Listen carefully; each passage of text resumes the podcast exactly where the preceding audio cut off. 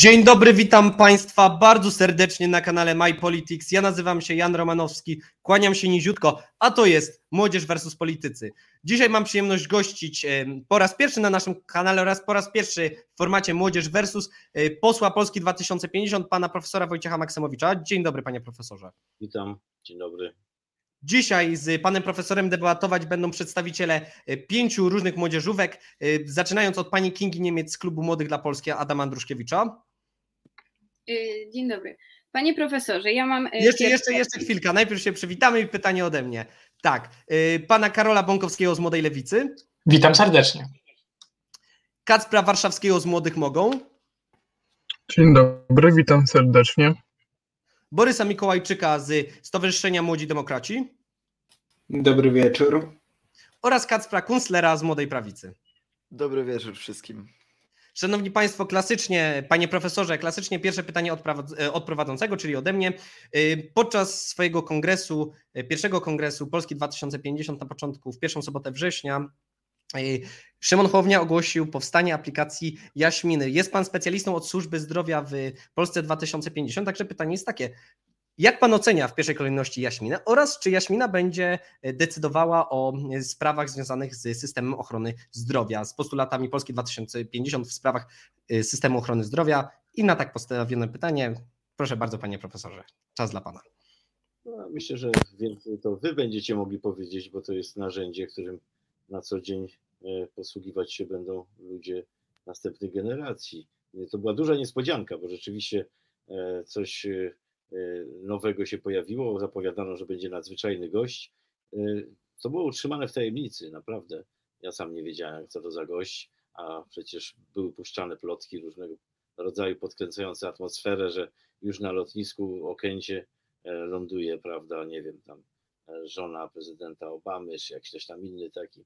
E, no tak, no i nagle się okazuje, ten gość to właśnie nowa aplikacja, która no wygląda na to, że jest naprawdę przyjęta z dużym zainteresowaniem i, i daje spore możliwości. To jest narzędzie po prostu. Można go użyć, można go nie użyć, ale pozwala na y, zbieranie opinii. To samo mniej więcej, co Państwo robicie. Ja też sobie wypełniłem swoją ankietę e, w Państwa systemie MyPolitics, żeby zobaczyć e, preferencje polityczne i muszę powiedzieć, że byłem zaskoczony zresztą wynikiem, e, bo sam siebie plasowałem troszeczkę inaczej ale, ale, ale, jestem zadowolony z, tego, to ma dużą wartość. I jaśmina y, ma bardzo podobne znaczenie. Już od razu na kongresie przetestowano pewne e, opinie e, w większym gronie niż, niż e, składy, nie wiem, 100 osób, jakichś reprezentujących konkretne obszary, tylko że po prostu rzeczywiście szerzej, to w tysiące, może i dziesiątki, setki tysięcy nawet. Dziękuję bardzo panie profesorze i tak jak już e, zapowiedziane wcześniej, jako pierwsza e, pytanie zada pani Kinga Niemiec. Panie profesorze, ja mam pierwsze pytanie. Skoro Rada Ministrów przyjęła nowelizację budżetu, która przeznacza dodatkowy 1 miliard złotych na sektor zdrowia, to czy y, ma to również wpływ na wynagrodzenia? Mimo tego popiera Pan y, wciąż protest medyków w ciężkiej covidowej rzeczywistości, w której teraz wszyscy się znajdujemy? Trochę jakieś były zakłócenia, więc chyba boję się, że głównego fragmentu pytania tego. To jakby Pani Kinga mogła w takim razie powtórzyć, y, jeżeli Pan, pan, poseł, pan profesor nie słyszał. Yy, oczywiście. E, pytanie jest o to, że skoro Rada Ministrów przyjęła nowelizację budżetu, która e, przeznacza dodatkowy 1 miliard złotych na sektor zdrowia, e, czy ma to również wpłynąć na wynagrodzenia? Czy pomimo tego, pomimo ciężkiej sytuacji covidowej, w której wszyscy się znajdujemy, wciąż popiera Pan protest medyków? No, proszę Państwa, no, miliard złotych na system ochrony zdrowia to jest po prostu no taki, taki gest, można jakiś jeden program zrealizować. To naprawdę nie są duże pieniądze jak na, na to, co, co tam występuje jako potrzeby. Świadczenia zdrowotne same w sobie kosztują w tej chwili około 120 miliardów i jest to nieco ponad 5% PKB, tak? 5,5% PKB. Nie wiemy jeszcze na co będą przeznaczone te, ten, ten 1 miliard i na pewno nie, nie, nie załata tych dziur oczekiwań pielęgniarek, położnych, ratowników medycznych, fizjoterapeutów, też bardzo źle opłacanych, tych zawodów, które mm, jakoś najmniej efektywnie były szanowane poprzez odpowiednie przydziały płacowe. Nie tylko sama płaca, ale również w przypadku umów cywilnoprawnych to też wchodzi w grę, bo muszą być zasoby pieniężne, żeby, żeby szpitale poradnie mogły zawierać umowy.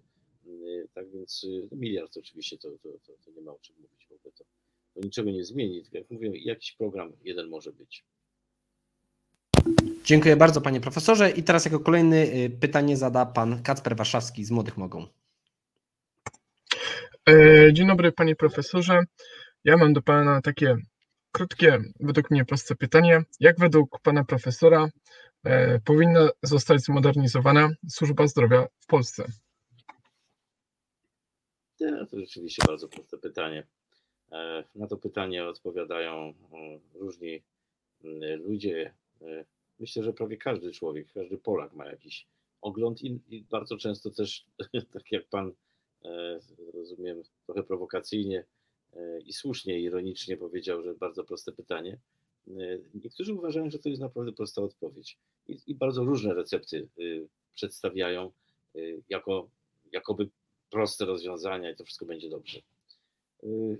Oczywiście wchodząc do Polski 2050 przede wszystkim zapoznałem się z programem dotyczącym reformowania ochrony zdrowia dlatego że no akurat tu, mam trochę większą wiedzę niż, niż przeciętny polityk i znałem bolączki i sam przygotowałem pewne zarysy programowe, będąc jeszcze w porozumieniu. No, właściwie z tego praktycznie nic nie zostało wdrożone, bo idzie to swoim, swoim kierunkiem bardzo autorytarnym w tej chwili, jeżeli chodzi o Prawo i Sprawiedliwość, kierunkiem takim E, zarządzania centralnego, pełnej centralizacji. Państwo ma wszystko e, nadzorować docelowo, widać wyraźnie, zmierza w kierunku taki, żeby wszystko było dokładnie państwowe i własność, i pieniądze, i, e, i zarządzanie. No, uważam, że to jest ślepa uliczka, z której się wydobyliśmy i w tym już miałem swój udział. Ponad 30 lat temu zacząłem mieć swój udział w takim buncie właśnie E, wówczas pokoleniowym też e, zbuntowaliśmy się przeciwko systemowi PRL-owskiemu, który właśnie na takich e, zasadach się zasadzał. Przy czym oczywiście do tego wszystkiego był to system bazujący na środkach, które dotyczyły państwa, które no prawie że zbankrutowało tak, pod koniec lat 80. W związku z tym wtedy, kiedy byłem ministrem zdrowia w 97, pan premier Buzek powierzył mi te funkcje, E, przedstawiliśmy koncepcję e, odpaństwowienia e, służby zdrowia i wprowadzenia pewnych zasad, w których występuje coś, co wcześniej nie występowało.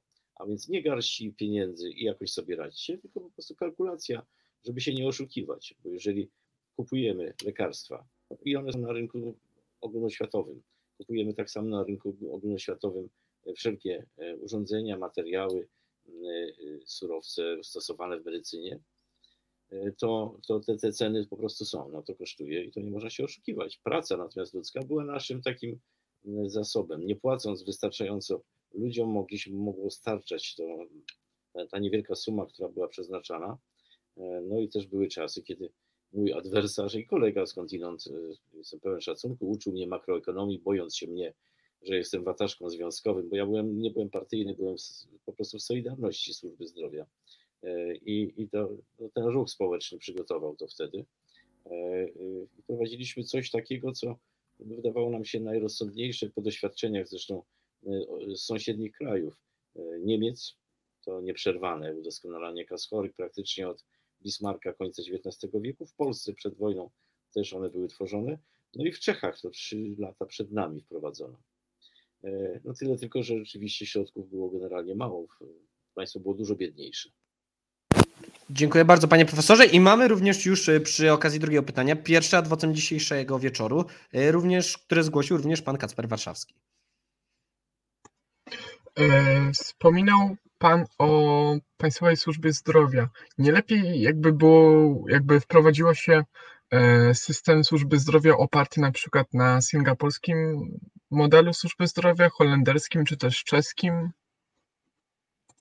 Znaczy wie pan, no my, my mieliśmy swój dobry model. Ja muszę powiedzieć, że nie kto inny, Jarosław Kaczyński zadał mi takie pytanie w 2019 roku.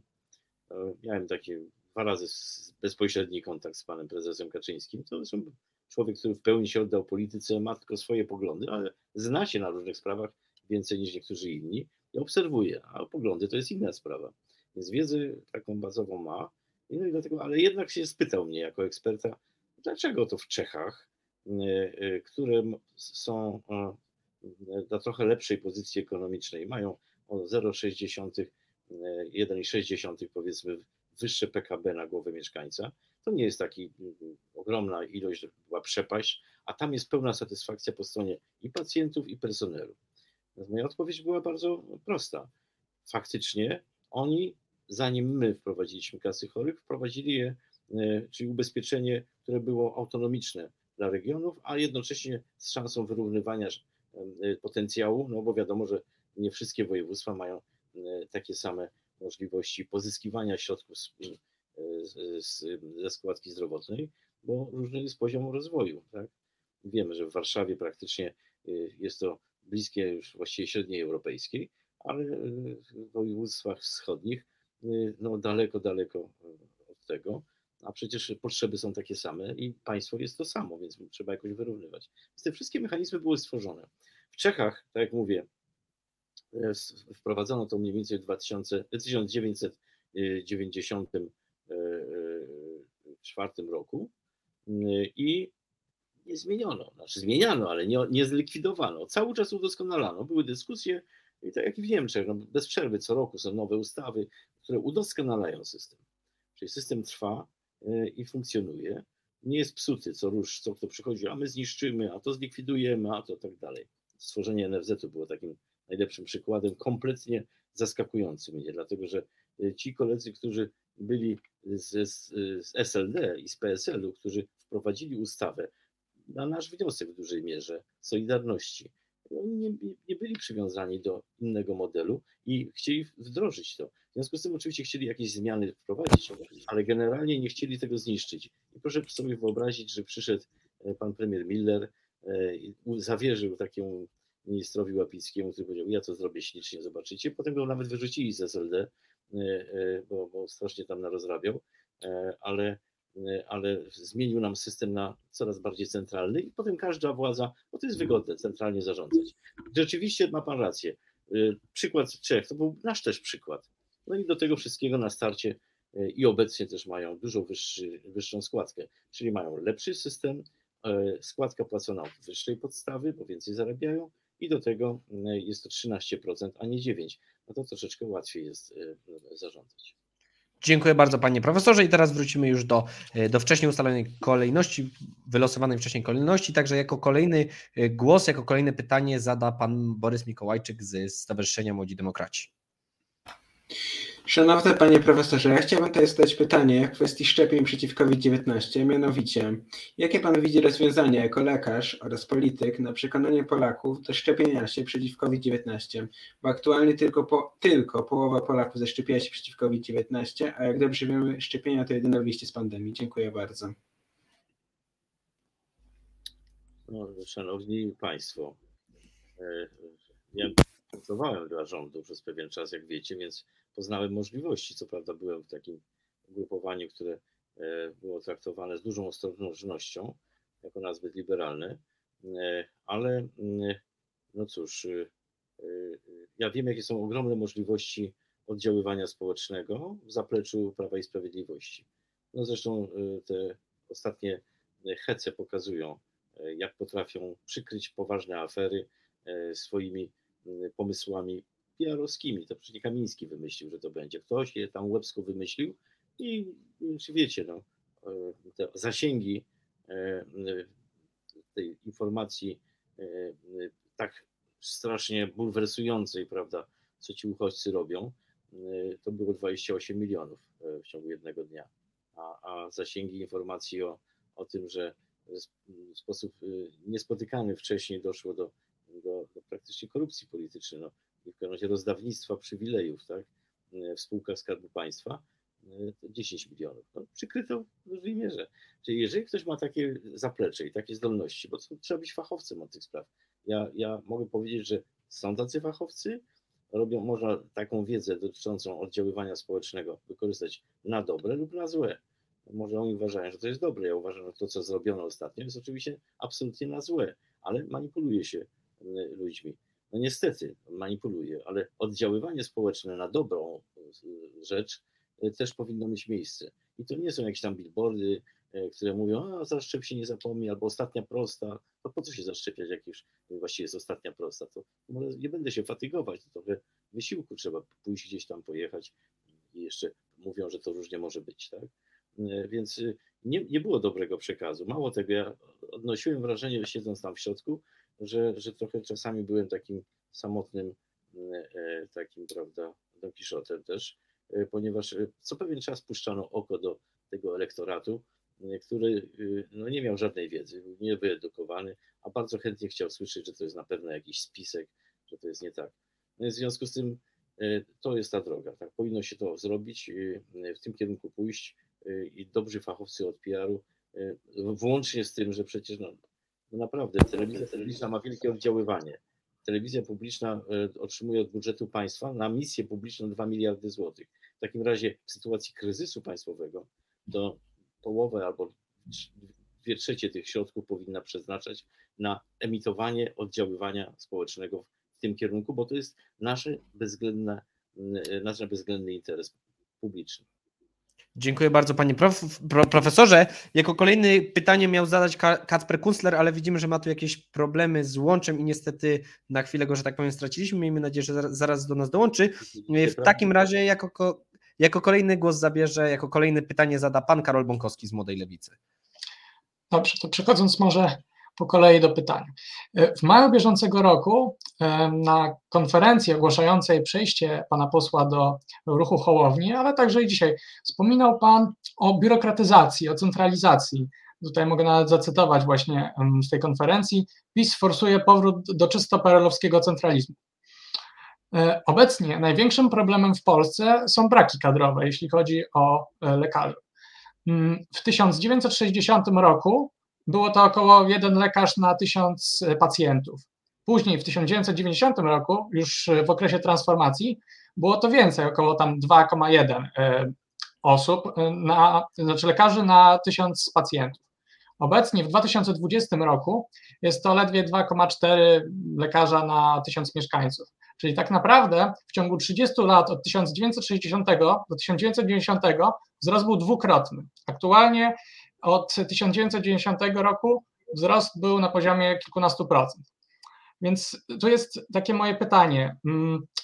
Skoro średnia europejska wynosi mniej więcej 3,6 lekarza, u nas sytuacja nie wygląda dobrze, więc jest, są braki kadrowe. Jakie widzi Pan możliwości zwiększenia personelu medycznego bez wzrostu biurokratyzacji? Czy jest nim wspieranie sektora prywatnego?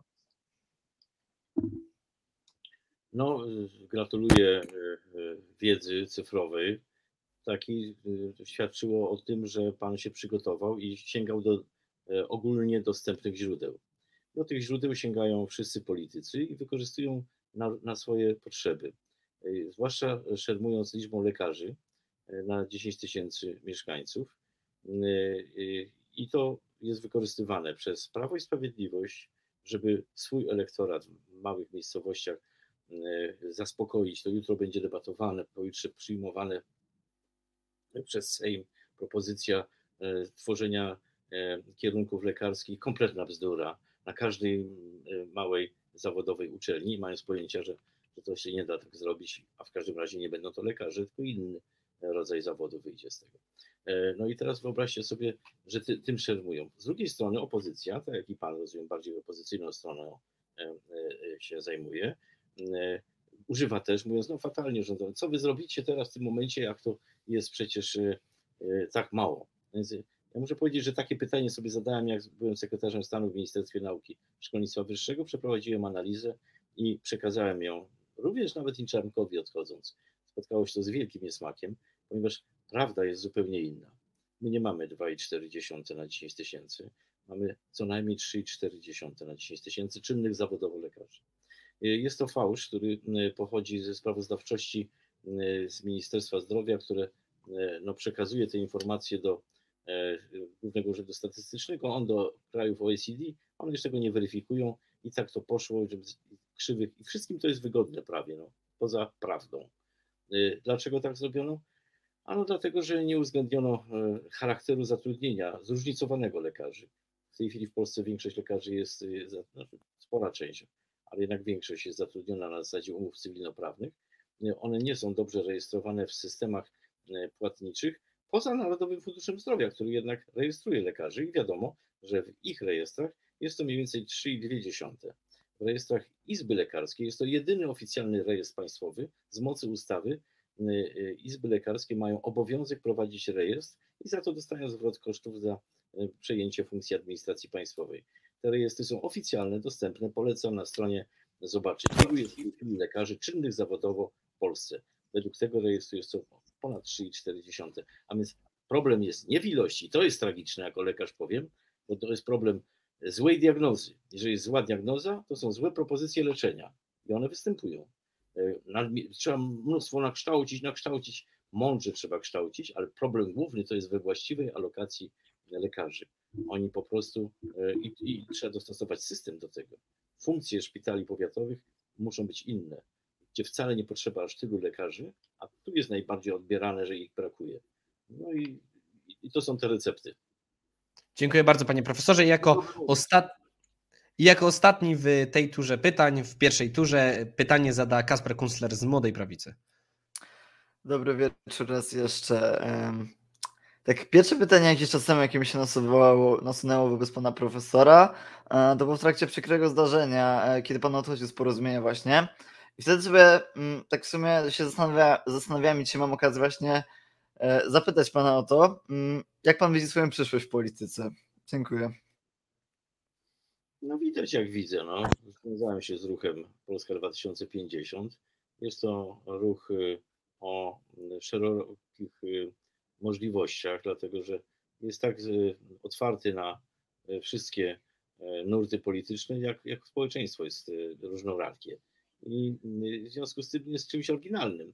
Przede wszystkim poza tym bazuje na bardzo dużej działalności społeczników, ludzi, ludzi, którzy sami z siebie, nawet nie widząc się najczęściej w polityce, wspierają ten ruch, żeby, żeby było normalniej, że mają dosyć tych różnych takich właśnie konkretnych partii, politykierstwa i tak dalej, upartyjniactwa takiego zabójczego, tak. I ja też mam tego dosyć i dlatego chętnie tu się przyłączyłem, a, a, a dosyć też miałem metod manipulowania ludźmi, czyli stosowania szantażu, przekupstwa. No, jednemu i drugiemu się przeciwstawiłem, znając zresztą koszty tego. Czasem trzeba ponosić koszty, żeby zachować się zgodnie ze swoim sumieniem. Dziękuję bardzo, panie profesorze. I tym, tą wypowiedzią zakończyliśmy pierwszą turę pytań, także czas teraz na, że tak powiem, powtórkę z rozrywki. Teraz w innej kolejności, ale nie zmienia się to, że ja jako pierwszy zadam pytanie. Mm, panie profesorze, dzisiaj po raz kolejny w pewnym sensie staje się to sejmową tradycją.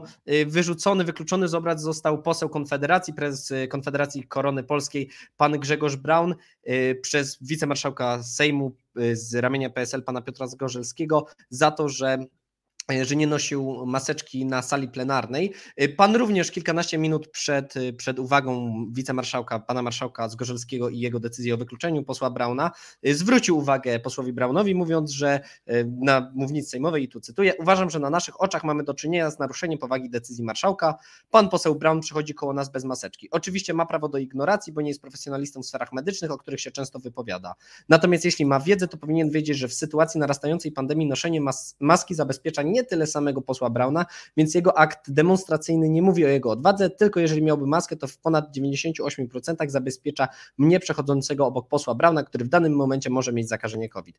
Panie profesorze, pytanie jest takie, o ile tu nie jest to rzecz kontrowersyjna, żeby powiedzieć, że pan poseł Braun faktycznie maski nie nosi na mównicy, na sali plenarnej i posłowie się na nim, że tak powiem, nie uwzięli, natomiast jest wielu innych posłów, którzy zostali złapanie, że tak powiem, fleszu, aparatów dziennikarzy, czy to przez dziennikarzy, którzy pisali tekstowo, którzy masek również nie nosili, czy to z Prawa i Sprawiedliwości, z Platformy Obywatelskiej. Co prawda z ruchu Szymona Hołowni takiej osoby, taka osoba jeszcze nie została złapana, ale z wielu innych, z tak naprawdę każdej innej formacji w Sejmie były informacje, były zdjęcia na których było widać, że posłowie nie nosili tej maski. Także czy w tej chwili nie jesteśmy trochę w sytuacji, czy posłowie nie są w sytuacji, w której y, to właśnie na, y, na pośle Braun, że wobec posła Brauna się Sejm trochę uwziął i go w pierwszej kolejności penalizuje za brak noszenia maseczki. Czy nie brakuje trochę konsekwencji w decyzjach prezydium Sejmu? Nie, nie, tutaj nie, ma, nie, nie mam żadnych wątpliwości. Gdyby pan był na sali sejmowej, y, tak jak my bywamy, no często bardzo, czasie obrad, y, nie, nie cały czas, bo, bo są różne sprawy załatwiane i nawet komisje są równolegle, nieraz jak y, dzisiaj były dwie komisje y, zdrowia na przykład w czasie obrad, no to, to są różne etapy, to nie, nie zawsze tak jest. Niemniej jesteśmy tam.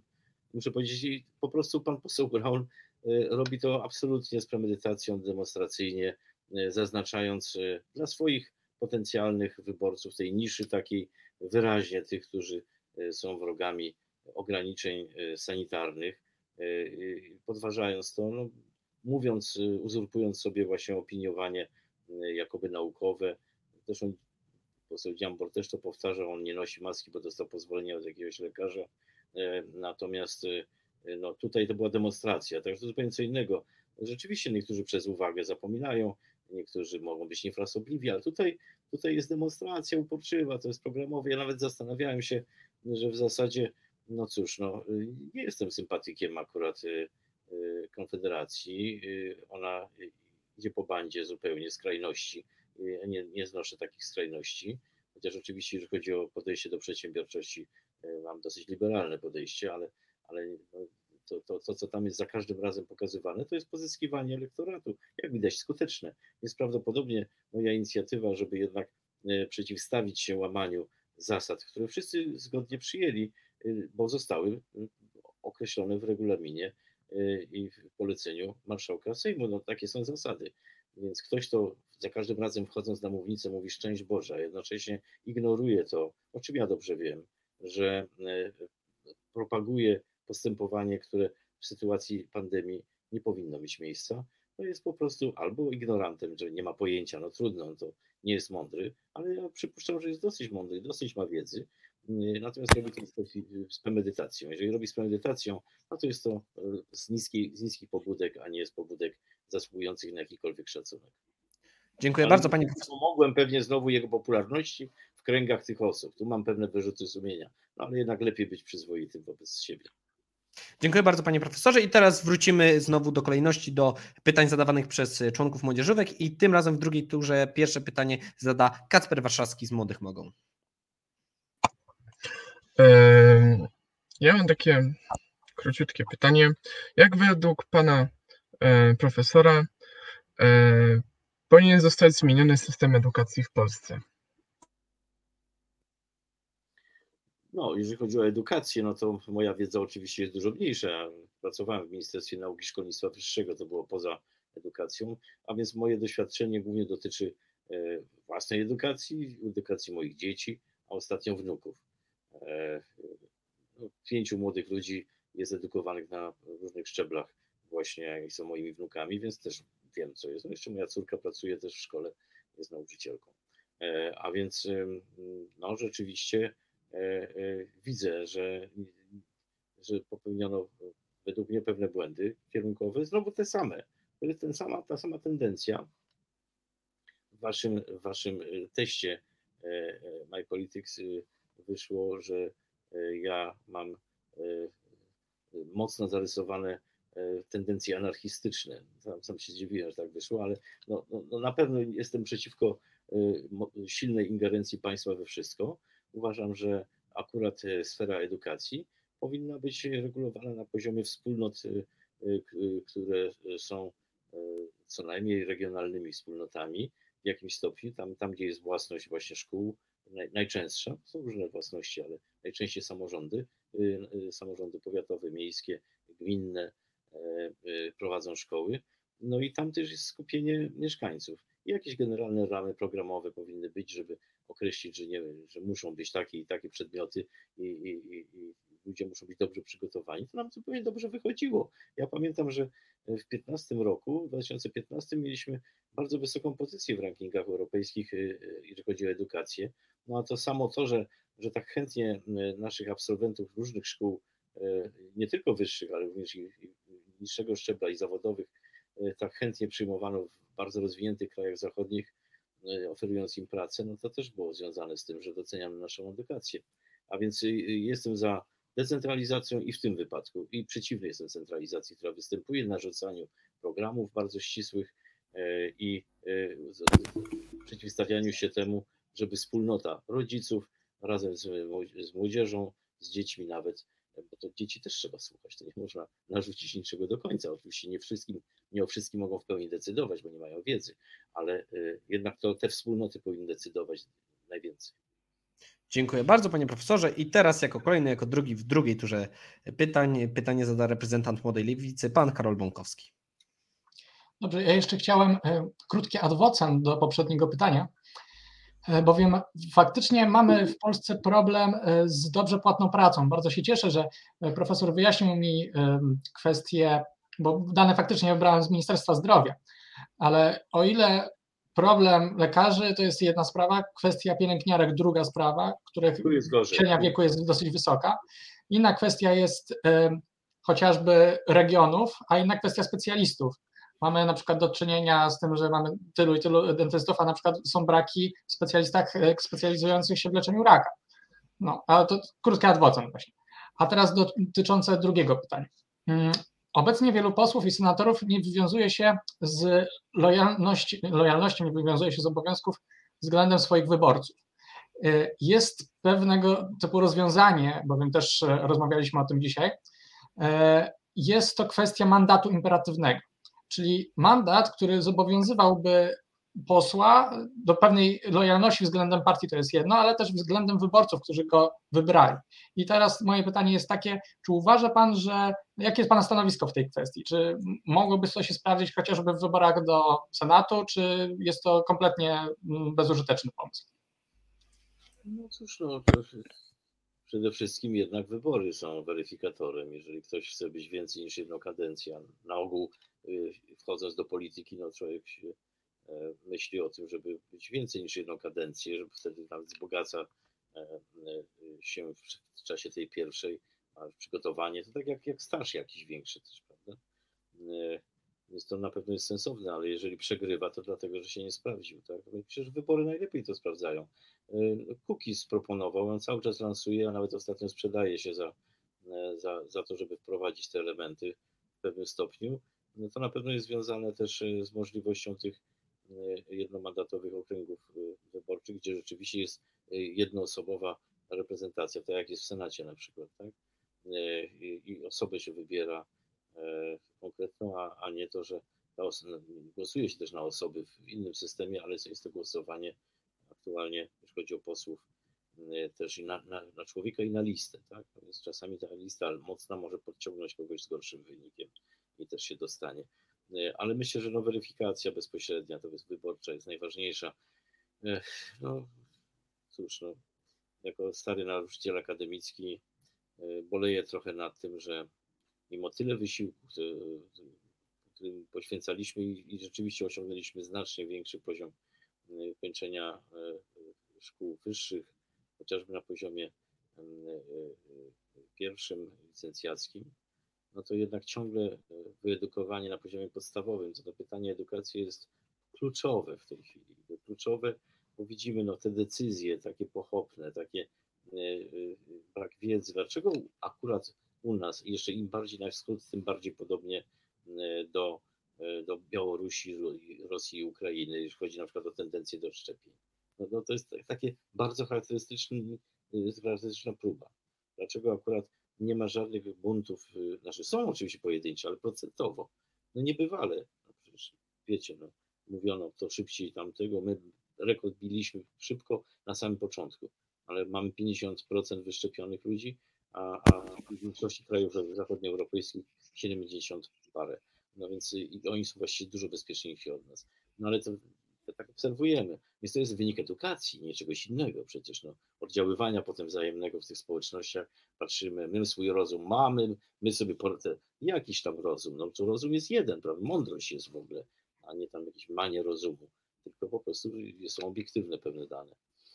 No, także mam dużo do zrobienia na, na bardzo podstawowym poziomie. Dziękuję bardzo. Jako numer trzeci w losowaniu miał Borys Mikołajczak, jako trzeci w pierwszej turze pytanie zadawał Borys Mikołajczak oraz jako trzeci w drugiej turze również pytanie zada Borys Mikołajczak. Mikołajczyk, przepraszam cię Borysia. Nic nie szkodzi, Mikołajczyk.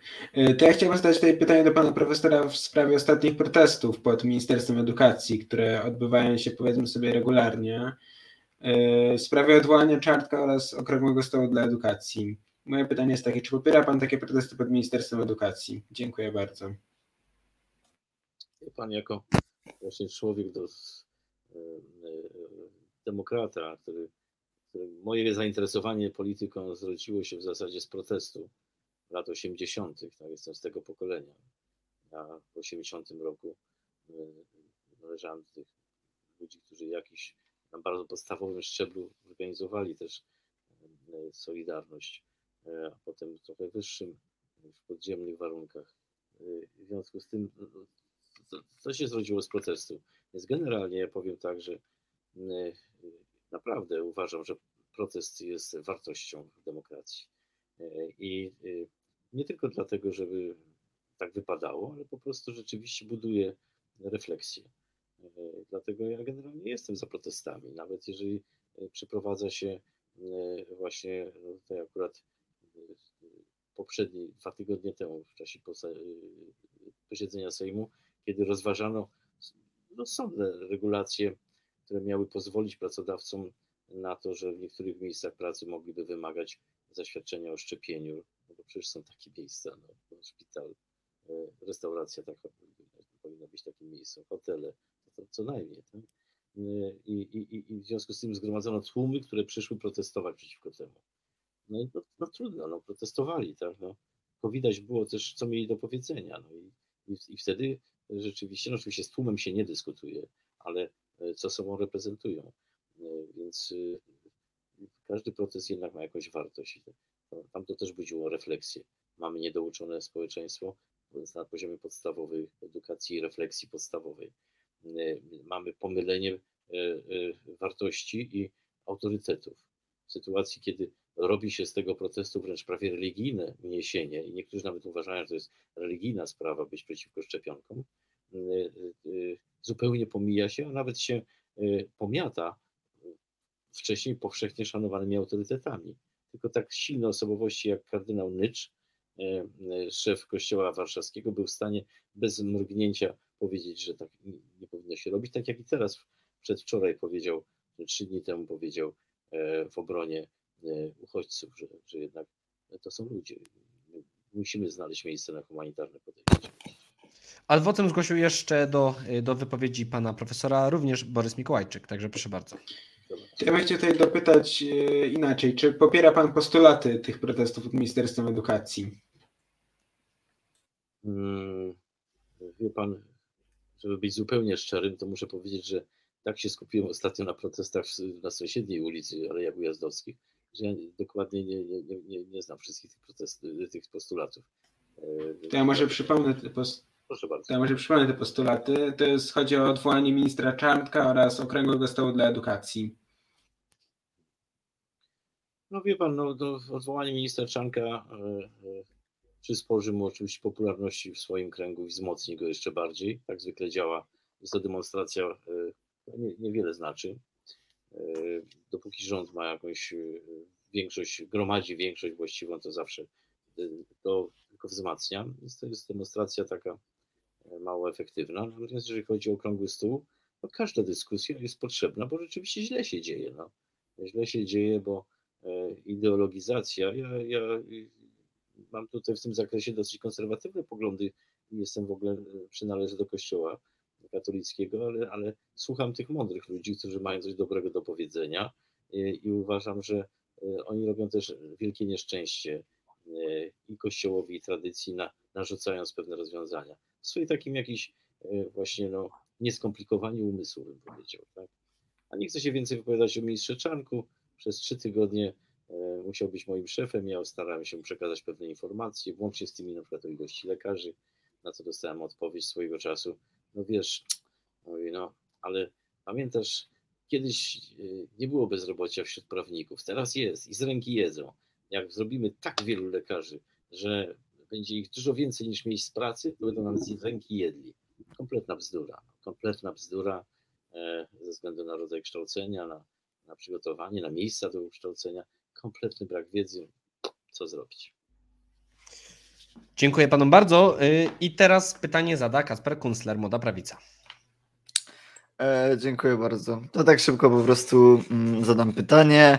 E, co dokładnie się panu profesorowi nie podoba w polityce Adama Niedzierskiego i co uważa pan, że jest natychmiast y, do zmiany? Dziękuję. Powiem szczerze, że praktycznie prawie wszystko mi się nie podoba e, w polityce e, ministra Niedzielskiego. On nie jest w ogóle jakąś indywidualną osobowością, jest absolutnie wtórny i za to tam jest. Tak? Po prostu takie było zapotrzebowanie pan premier Morawiecki, który no, zarządza tak jak tą dużą firmą, bo zarządzał przecież wielkim prywatnym bankiem, e, e, potrzebował tam człowieka, najpierw go wrzucił do pieniędzy, czyli wiceprezesa NFZ-u, potem chciał mieć jeszcze większą kontrolę, więc wyrugowano bardzo przyzwoitych ludzi zarządzających e, pana prezesa Jacyny, Tereszkowskiego, Kamińskiego i, i nadano pełnię władzy Niedzielskiemu, a potem, kiedy wiadomo było, że może e, zdrowie fikać, w cudzysłowie mówię, w protestach, w jakichś oczekiwaniach, no to postawiono tam właśnie pana ministra. I, to, że jest akurat ekonomistą, to zupełnie dobrze. E, e, muszą być ekonomiści, zawsze w każdym Ministerstwie Zdrowia jest co najmniej jeden ekonomista w zarządzie, no ale w tej chwili mamy sytuację taką, że już tego piątego pana zatrudniono, tego z dłuższymi włosami, fajnie wygląda, pewnie wygląda tak, jakby skłaniał do dobrej komunikacji z młodymi ludźmi protestującymi, to jakaś zaleta, e, no, ale też jest politologiem z, ze studium doktoranckim z ekonomii, jest piątą osobą e, ekonomistą w Ministerstwie Zdrowia e, przy jednym lekarzu, który też coś wie. No, trochę przegięte widzenia, to nie aż tak wygląda. Natomiast to są te wady. Nie słuchał zupełnie innych ekspertów, niż tych, którzy pasowali do jego układanki. Wszystko, cokolwiek jest robione, jest y, responsoryjne, jest y, już po wydarzeniu dopiero występuje, a nie uprzedza się. Tak? W zdrowiu publicznym działania są uprzedzające i trzeba jeszcze umieć je przekazać, informacje o nich, dlatego że no, mało kto wie, dlaczego trzeba mniej jeść masła, dlaczego trzeba nosić maskę w czasie tej pandemii i tak dalej, jak już wiemy teraz e, po, po, po licznych badaniach. I dlatego trzeba to po prostu tłumaczyć jakoś, stosować wcześniej, a nie wtedy, kiedy już coś się wydarzy. Ja miałem ogromny problem na przykład z przekonaniem do większego testowania i kontrolowania dostępu do pracy ludzi, żeby nie zamykać firm właśnie. To mieliśmy taki program, jak byłem w porozumieniu, nazywał się e, programem e, e, Bezpieczny Obywatel. I kluczową sprawą było właśnie to, jeszcze z Andrzejem Sośnierzem, też byłym prezesem NFZ-u przecież mm, przygotowaliśmy takie działania na tamten czas, na wiosnę ubiegłego roku, no, takie, które dawały szansę nie zamrozić wszystkiego. No, niestety nie było nawet dialogu z panem ministrem Niedzierskim, nigdy nie odpowiedział na, na, na możliwość spotkań. No, jak ktoś unika dialogu i nie słucha ekspertów do końca, tylko działa responsoryjnie w tak ważnych sprawach jak zdrowie publiczne, nie budzi mojego szacunku. Dziękuję uprzejmie. Y, jako, że nie widzę adwocem, to możemy zakończyć dzisiejszą debatę ostatnim pytaniem od pani Kingi Niemiec, która rozpoczynała pierwszym pytaniem tą debatę. Panie profesorze, jest pan wysoko wykwalifikowanym ekspertem z zakresu neurochirurgii, neurologiem, który, neurochirurgiem, który prowadził liczne badania z zastosowaniem różnych komórek macierzystych w terapii między innymi E, chorób neurodegeneracyjnych i e, schodziło też o stwardnienie zanikowe boczne, tam nie wchodząc w szczegóły. Jest Pan teraz e, politykiem. Moje pytanie brzmi, czy gdyby Pan mógł cofnąć czas albo obecnie, czy inaczej by pokierował Pan swoją karierą? Czy e, wybrałby Pan wykształcenie przygotowujące stricte pod politykę?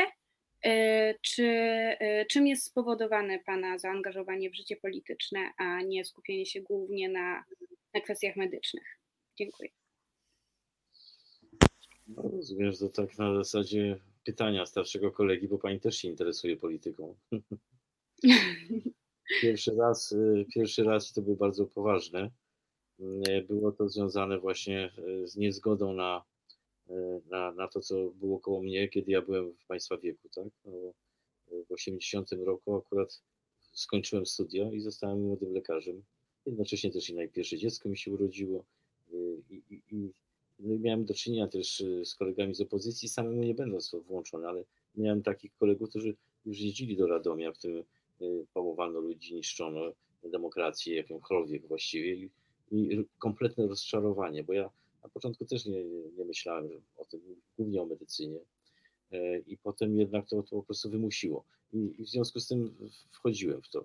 Potem z kolei zaangażowałem się czysto naukowo, medycznie, ale koledzy powierzyli mi też prowadzenie Solidarności Służby Zdrowia w regionie Mazowsze. To był 88 na 9 rok, jeszcze nie, nielegalny, potem legalny. No i wiadomo, to legalny, ale jeszcze właściwie Służba Bezpieczeństwa zdjęła obserwację mojej osoby, jak dowiedziałem się tam z materiałów IPN-u, dopiero w październiku 89 roku, czyli już w czasie funkcjonowania rządu mazowieckiego. Nazywano to generalnie akcją pod kryptonim, kryptonimem Judym. Nie tylko mnie to dotyczyło, ale całego zespołu naszego. A więc to, to był okres przejściowy. Trzeba było się zaangażować. Współtworzyłem Izbę Lekarską. To też działanie jednak, chociaż samorząd, ale jednak trochę, trochę polityczne też w tamtych czasach. Udało się stworzyć silną organizację, dosyć niezależną, której co który rząd, zwłaszcza o tendencjach autorytarnych, chciał przykręcić śruby i ograniczyć swobodę wypowiedzi i oddziaływania. No, no, potem znowu zanurzyłem się bardziej, myśląc już, że no jak już wyprowadziliśmy wojska sowieckie, jesteśmy krajem demokratycznym, damy radę. No i cóż, okazało się, że, że, że wszystko, co z Solidarnością związane, zostało wypchnięte przez rozczarowanie społeczne. Znowu wróciły takie postaci znane mi z PRL-u i niesłusznie według mnie uszanowane przez społeczeństwo, no ale Fox Populi, Vox Dei i, i, i, wtedy trzeba było jakoś działać i, i, i znowu się włączyłem w, w tym proteście i, i zacząłem być blisko Solidarności znowu tej jeszcze wtedy takiej, która, która tworzyła zręby ruchu społecznego, później partii ruchu społecznego Akcji Wyborczej Solidarność. To było bardzo pojemne. Z tego wywodzą się wszyscy, którzy teraz tworzą Platformę Obywatelską, ci, którzy tworzą Prawo i Sprawiedliwość. To widzę swoich dawnych kolegów, bo jedni mieli bardziej, a drudzy mniej prawicowe poglądy. No i tak to jest. A potem znowu była tworzenie medycyny, Wydział Lekarski w Olsztynie. Udało się, to był taki eksperyment udany jednak, na uniwersytecie dojrzałem. I potem no już jestem tak dosyć dojrzały, jak widać. Sam jestem zaskoczony, że, że, że przyszło, że, że jestem dobrze po 60 i dlatego myślę, że moje doświadczenia mogą być wykorzystane znowu dla naprawy tego, no bo pewne doświadczenia są przydatne. Trzeba iść według nowych pomysłów. Młodzi ludzie są kluczem, bo budują swoją przyszłość, ale myślę, że tradycje starych demokracji pokazują, żeby wykorzystywać takie doświadczenia. No jestem trochę wykorzystywany. Panie profesorze, było pytanie od dziennikarza, dwa pytania, dwa pytania od członków młodzieżówek, także zakończymy dzisiejsze Młodzież versus Politycy z, z udziałem pana profesora. Pytaniem z czatu, zresztą bardzo ciekawym. Pytanie krótkie, co pan sądzi o Agrounii? Jest to o tyle ciekawe pytanie moim zdaniem, iż Agrounia w tej chwili w sondażach rośnie w siłę, a podczas strajków medyków w Białym Miasteczku jest jedną z najbardziej aktywnych, jedną z bardziej aktywnych, jednym z bardziej aktywnych, przepraszam, ugrupowań politycznych no, rodzących się politycznych. Na razie jest to takie bardziej korporacyjne, branżowe ugrupowanie i to jest taka siła właśnie jednocząca. Myślę, że dojrzałe partie, które bazowały na elektoracie wiejskim, bo to nie tylko chodzi o samorolnictwo, ale przede wszystkim życie też poza miastami, ma swoją specyfikę i też no, ewoluuje. No.